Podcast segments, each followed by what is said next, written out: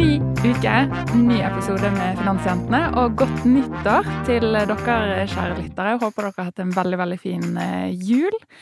I dag så er vi tilbake i studio, og denne gangen så blir det ikke renter og valuta vi skal fokusere på, men vi skal derimot fokusere på pensjon. Fordi at vi har med oss Anette Gjertø, som er investeringsdirektør i DNB Liv. Så velkommen til deg, Anette.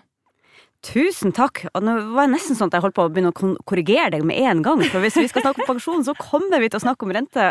Og kanskje også valuta. Ja, det er helt riktig.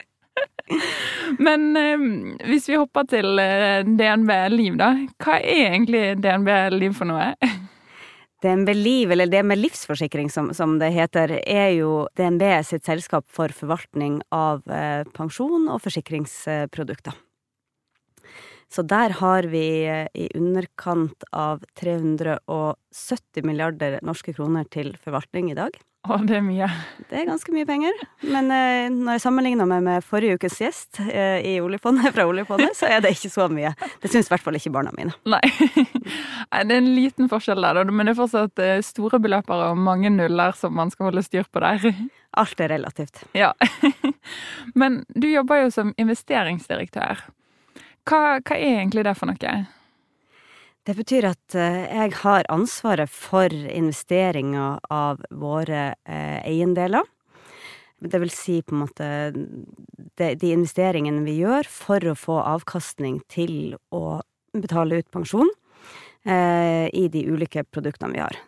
Nå sier jeg pensjon, for hoveddelen av de produktene vi forvalter og jobber med, er pensjonsprodukter. Så bare for å gjøre det litt enkelt, så kan vi snakke om pensjonsproduktene i dag. Ja.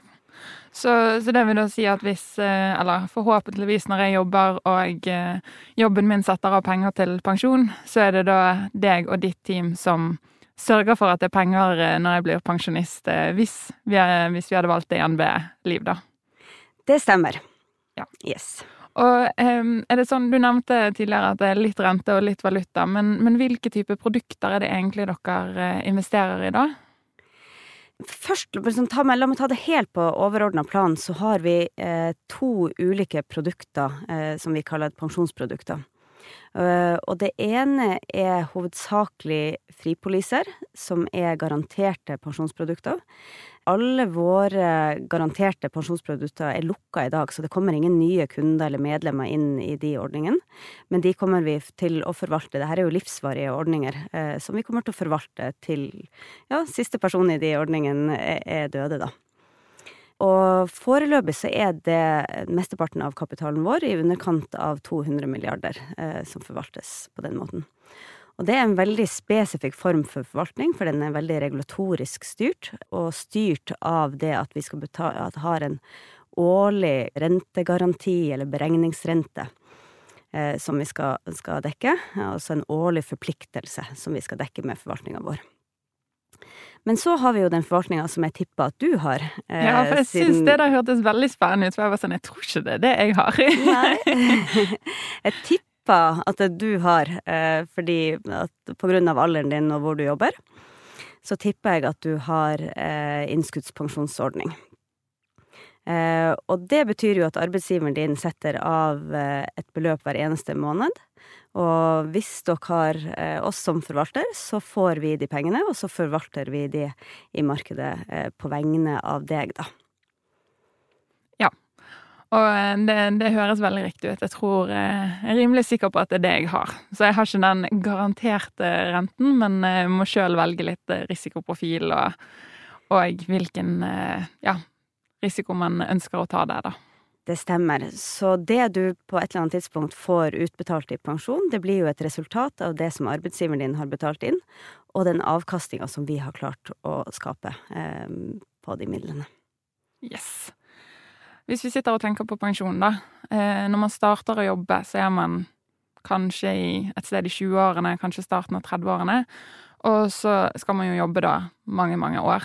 Hvordan investerer man egentlig pengene da, når det er så vanvittig lenge til disse pengene skal utbetales? Hvordan sikrer man at man får en, en grei avkastning på det, da? Nei, da må man se på eh, hovedrådene, hovedprinsippene bak all forvaltning. Og jeg tenker egentlig at når folk syns at liksom, man hører ordet pensjon, så blir det litt sånn åh, det er veldig trøtt. Det her, det her orker jeg ikke å høre noe mer om. Men så syns man at forvaltning eh, og investeringer og aksjemarkedet er kjempespennende. Så tenker jeg at men det er en liten sånn missing link her, for det er jo akkurat det vi gjør. Ja. ja. Eh, og det er akkurat de samme prinsippene for forvaltning av pensjonspenger som det er for all annen forvaltning. Eh, hvis det er lenge til man skal bruke de pengene, at de pengene skal forvaltes lenge, så anbefaler vi jo å ha mesteparten av pengene i aksjemarkedet. Og det er jo fordi at aksjemarkedet, selv med de svingningene som de har, og de negative delene av aksjemarkedet, er jo det at det svinger så mye, så er det jo aksjemarkedet som gir absolutt best avkastning eh, over tid. Eh, så det vi vil gjøre, hvis du på en måte ikke gjør noen andre valg, eh, så, så, vil på en måte Det som er på en måte standardprofilen, er at du vil få 80% aksjer og 20% renter. Hver eneste måned når arbeidsgiver betaler inn penger, så vil det gå etter den nøkkelen. Men så kan jo du velge, da. Du kan jo si at jeg har trua på aksjemarkedet, og dessuten så tenker jeg at det er lenge til jeg skal bli pensjonist, så derfor så går jeg all in, og så investerer jeg 100% i aksjer. Det er jo en valgfrihet man har på innskuddspensjon, nettopp fordi at det er du som bærer risikoen ved det. Eller så kan du på en måte være litt tilbakelent og kjenne på at det var voldsomme svingninger i det aksjemarkedet. Ikke helt sikker på om jeg ønsker det, og så velger du 50 eh, aksjer og 50% renter. Yes. Og, og, da hvis man da velger mye renter, eller den, produk, den, slags produkter, så går jo da dere som forvalter og snakker med f.eks. meg eller noen av kollegaene mine på meglersiden, og så finner vi de beste produktene til dere, forhåpentligvis. Helt korrekt. De beste renteinvesteringene. Ikke sant. Ja. Men eh, vi snakket jo mye på podkasten om at fjoråret var et eh, ganske turbulent år i finansmarkedene. Det var eh, stigende renter, det var volatile aksjemarkeder. Men hva, hva er dine tanker om året så langt, og hvilke muligheter eller utfordringer ser du når vi kikker litt inn i horisonten framover, da? Det er det vi ofte sier, vi som sitter i markedet, at nå er det veldig stor usikkerhet. Men det er faktisk veldig stor usikkerhet eh, hvordan 2023 vil spille seg ut. Det kunne vi absolutt ha sagt ved, ved starten av 2022, eh, men jeg tror nok ikke vi klarte å forutse alt som skulle skje. Eh, for eksempel så var nok ikke alle helt klar over at den krigen skulle komme mellom Russland og Ukraina, og at det skulle spille seg ut på den måten det har, det har gjort med inflasjon i markedet, og de konsekvensene det hadde for eh, ganske så kraftig renteoppgang eh, i 2022.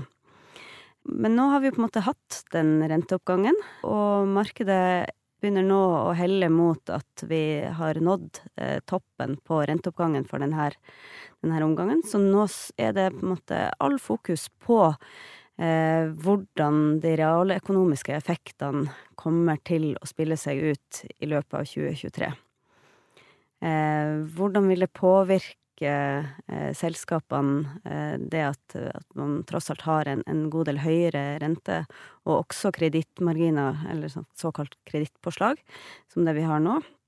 Hvordan vil dynamikken i arbeidslivet fungere, antall arbeidsledige? Tilbud, etterspørsel. Det er ganske mye nå som vi er litt usikre på hvordan det kommer til å spille seg ut. Og det som er ganske tydelig, er jo at veksten, den økonomiske veksten i 2023 kommer til å være lavere enn den var i 2022. Og man forventer jo at det kommer til å sette sin preg også kanskje på markedene, at vi kommer til å se noe volatilitet.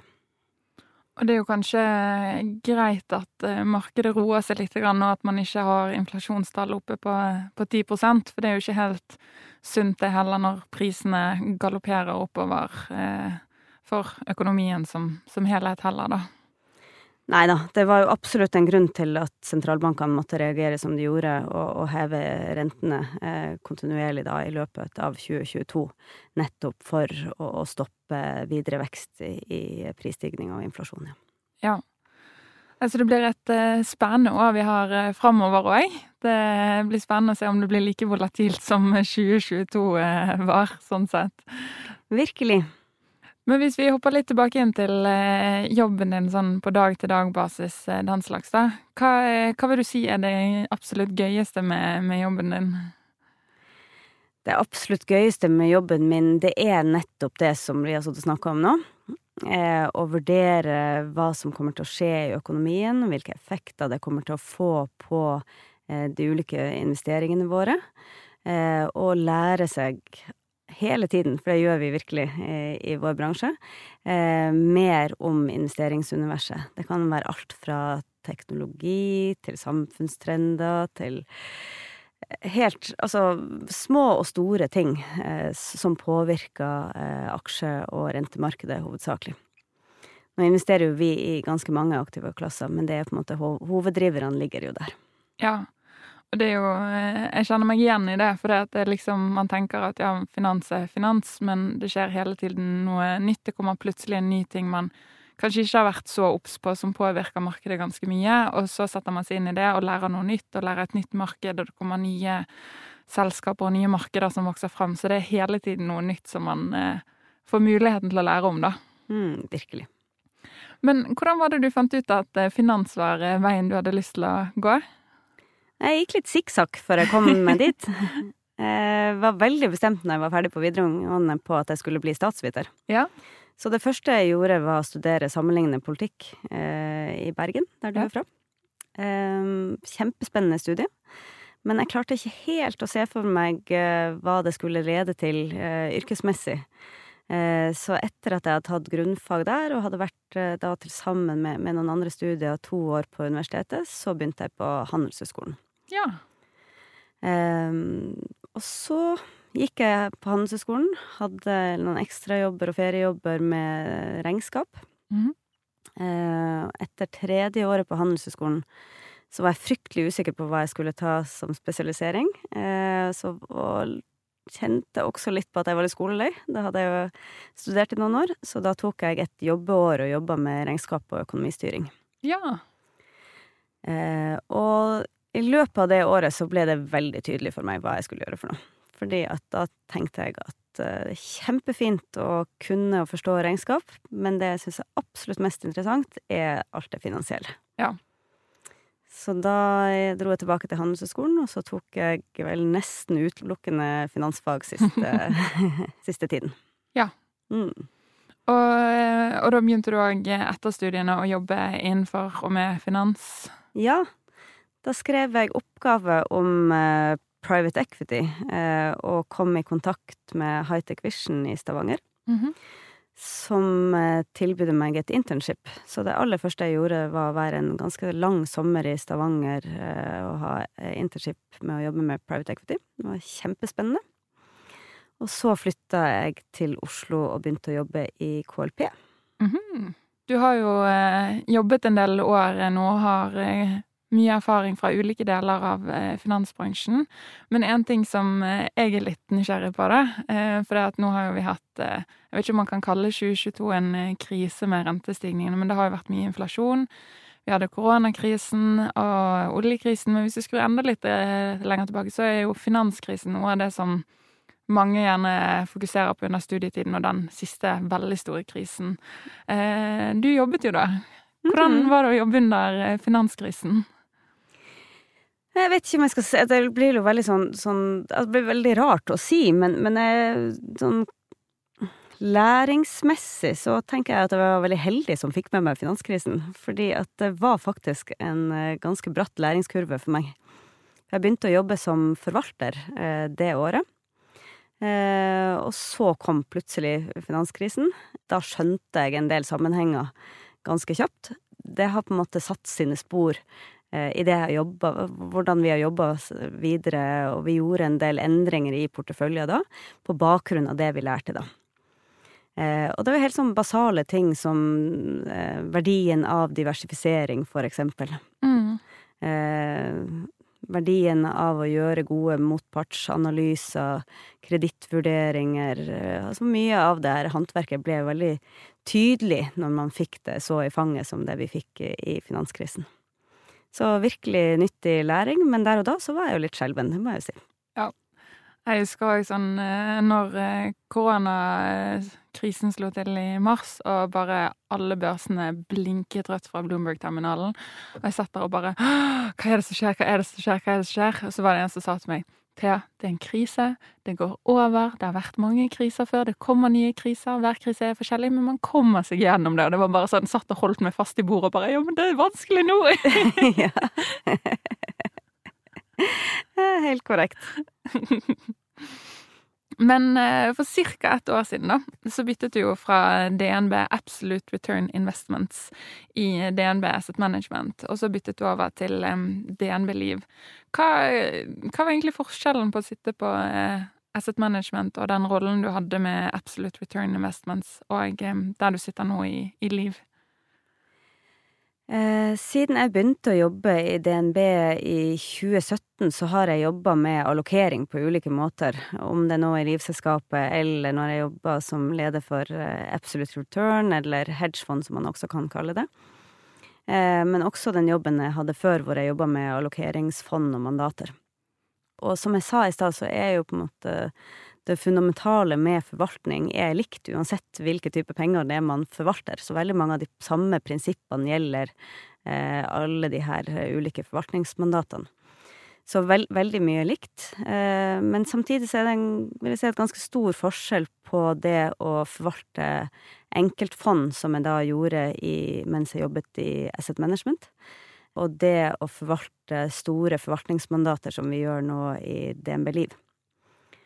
Eh, nå har jo jeg tidligere forvalta pensjonsmidler i KLP, eh, så har jo kjennskap til en del av rammebetingelsene rundt den type forvaltning. Mm. Men da jobba jeg, også i KLP jobba jeg i kapitalforvaltninga og jobba med det i fond og mandat, og satt med utvelgelse av enkeltselskaper, da. Mm. Eh, og enkeltobligasjoner. Mens nå på en måte er jo jeg den som lager mandatene til de som skal forvalte, så det er en litt annen type forvaltning, eh, men fortsatt eh, ganske spennende, vil jeg si. Ja. Eh, og så er det jo en stor forskjell at fra at jeg tidligere har jobba med enkelte aktivaklasser, spesifikke aktivaklasser, da, så jobber jeg jo nå med omtrent alle. Ja. Og når du snakket om allokering tidligere, så er det da litt sånn som du nevnte med pensjon, at man kan velge 80% aksjer eller 20% renter, eller man kan ta 50-50. Og det er jo den slags allokering man da gjør at hvis man sitter med allokeringen, så velger man hvor mye man skal ha i ulike typer papirer eller ja, ulike selskaper eller den slags, da. Helt korrekt. Så det var veldig likt de, altså de første årene jeg jobba i DNB, hvor jeg jobba med allokeringsmandater. Så mye likt av, av, med det vi gjør på innskuddspensjonssida i DNB Liv ikke så likt det vi gjorde på hedgefondsida. Det er mer eh, teknisk og mer spesifikt innenfor akkurat eh, det området. Men nå når jeg jobber da eh, i DNB Liv, så har vi jo igjen eh, alle aktive klasser, eh, også flere enn de eh, vi hadde i fondsformat, fordi at vi investerer i ganske mange illikvide aktive klasser som eiendom, private equity, private debt, infrastruktur. Ja. Hedgefond er jo gjerne noe som man hører om på skolen, men som kanskje er litt gresk for mange. Hva, hva er egentlig et hedgefond? Et hedgefond er et fond som har et uh, ganske vidt uh, forvaltningsmandat. Uh, man pleier å skille mellom hedgefond og long only-fond. Så det har egentlig ikke noe med om det er aksje eller rentefond eller valuta eller hvilken aktivaklasse å gjøre, men hedgefond er stort sett innafor det er kanskje litt feil å si. Det kan være hedgefond på, på råvarer også.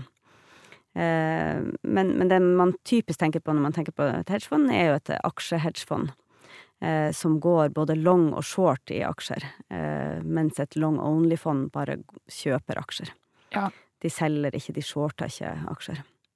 Men det samme kan du gjøre med råvarer og med renter og med valuta. Du kan både gå long og short. Ja. Så de kan eh, sitte på eh, begge sider eh, av, av, handelen sånn sett, og være litt mer spekulativ enn man kanskje har lyst til å være med pensjons- og forsikringspenger. Helt korrekt. Ja. Men over til andre som kanskje er litt nysgjerrige på en jobb i finans, eller er litt interessert i å gå i den retningen. Har du noen tips til unge som har lyst til å prøve seg på finansbransjen? Ja, jeg tenker at det å være åpen og nysgjerrig er veldig viktig. Og det opplever jeg ganske Jeg vet ikke hva du tenker når du har jobba de årene du har jobba i, i, finans, og du tenker på de lederne du har hatt. Eh, så vil jeg mistenke at det har vært et kriterium eh, for de lederne når de har valgt ut nye kandidater. Jo, jeg tror jo eh, For å trives i finans og for å kunne gjøre det bra, så er det jo et eh, eh, det er jo et kriterium at man er nysgjerrig, fordi at det skjer så mye, og man må være nysgjerrig på det som skjer. Um, så det er jeg helt enig i, at, uh, at man, må like å lære ting og forstå ting og stille spørsmål og, og like å skjønne hvorfor ting er som det er, da. Mm. Og så tror jeg også at du må tåle endringer. Ja. Det er en ganske omskiftelig bransje, eh, både på grunn av at den er så prega av det som skjer i, i, markedet, men også bransjen i seg sjøl, teknologisk utvikling, kostnadsfokus kostnadsfokus, andre ting, gjør jo at, at uh, finansbransjen er i ganske stor endring, da. ESG, ikke minst. Så du må på en måte tåle å være villig til endring hvis du ønsker å, å, jobbe i finans. Ja. Men det var kanskje litt sånn overordna råd jeg ga her nå. Nei, men jeg syns det, det, gir veldig god mening, for det er jo jeg tenker òg at for å kunne trives i finansbransjen, så må man eh, like å lære ting og være nysgjerrig og åpen, for det er veldig mye ulike jobber, eh, produkter, altså veldig mye ulikt som faktisk er der. Eh, og så er det mye endringer som skjer, sant. Det er nye bransjer som popper opp, eh, nye produkter som kommer på banen. Eh, det skjer endringer i måten man kan jobbe på. Før korona så var det jo uaktuelt at man eh, hadde hjemmekontor i mange deler av finansbransjen, mens nå er det mer og mer normalt og tilrettelagt for at man kan gjøre det òg, da. Og man kan ha videomøter, og hvis man skrur eh, klokken enda lenger tilbake, så var det jo en periode jeg har hørt rykter om at all eh, megling og all handling skjedde over telefoner og faks og den slags, så det går det mye på chatting. Helt korrekt. Ja. ja. Det stemmer, det. Jeg har brukt både faks og telefon. Ja. ja. telefon det bruker vi fortsatt litt, men faks det Jeg vet ikke om vi har noen fakser igjen på kontoret, faktisk. Nei, det tror jeg Det tenker jeg er helt greit. Ja. ja. ja men supert. Er det noen siste ting som du tenker vi kanskje skal nevne eller eh, si til lytterne før vi runder av? Jeg tenker at de av dere som fortsatt studerer forsøk å, å, ta kontakt med folk som jobber i finans. Jeg vet at det er kjempevanskelig å få internship, eh, praksisplasser eller eh, ja, ekstrajobber i, i finans. Eh, men det kan være andre måter å bli kjent med bransjen på. Så prøv å skaffe dere informasjon, både digitalt og, og, og fysisk, og se om det her kan være noe for dere. Og, og der kan jeg jo bare legge til at hvis, eh, hvis man ikke får et internship eller eh, studentjobb eller den slags, så er det veldig mange andre muligheter. Man òg kan ha masse andre jobber eller studentverv eller den slags som òg gjør at man får eh, relevant erfaring som man kan vise til, da. Jeg husker da når jeg søkte min første jobb, så fikk jeg veldig mye creds for at jeg hadde vært dørselger, for da hadde jeg jobbet med salg. Ja. Og det var supert. så, Nemlig. Ja. Mm. Ja, men Supert. Tusen tusen takk for at du tok deg tid til en prat, eh, Anette. Det var eh, veldig interessant og lærerikt å ha deg med her. Takk skal du ha. Veldig hyggelig å være her. Før vi gir oss, vil jeg bare si at vi publiserer nye episoder annenhver mandag, så følg oss gjerne der du hører på podkast. Liker du det du hører, så sleng gjerne inn fem stjerner. Er du på LinkedIn, så følg gjerne gruppa vår som heter Finansjentene. Ja, jeg lærte meg det i år. Hvor du kan sende oss ris og ros, spørsmål eller tips til folk vi bør intervjue. Alternativt så kan du nå oss på finansjentene at gmail.com. Stort takk til ABG Sundal Collier-stiftelsen for støtte til podkasten, som bl.a. sørger for innspilling og redigering hos Nitro Sound med produsent Robin Howard, og logo av Johannes Sveen Ekrem. Vi vil òg takke Simen Eifring, som står for vår flotte intromusikk, og ikke minst deg, Lone, for programlederrolle. Og takk til deg og Thea, som også har vært programleder i dag. Og ikke minst tusen takk til deg som har hørt på. Vi snakkes! Ha det.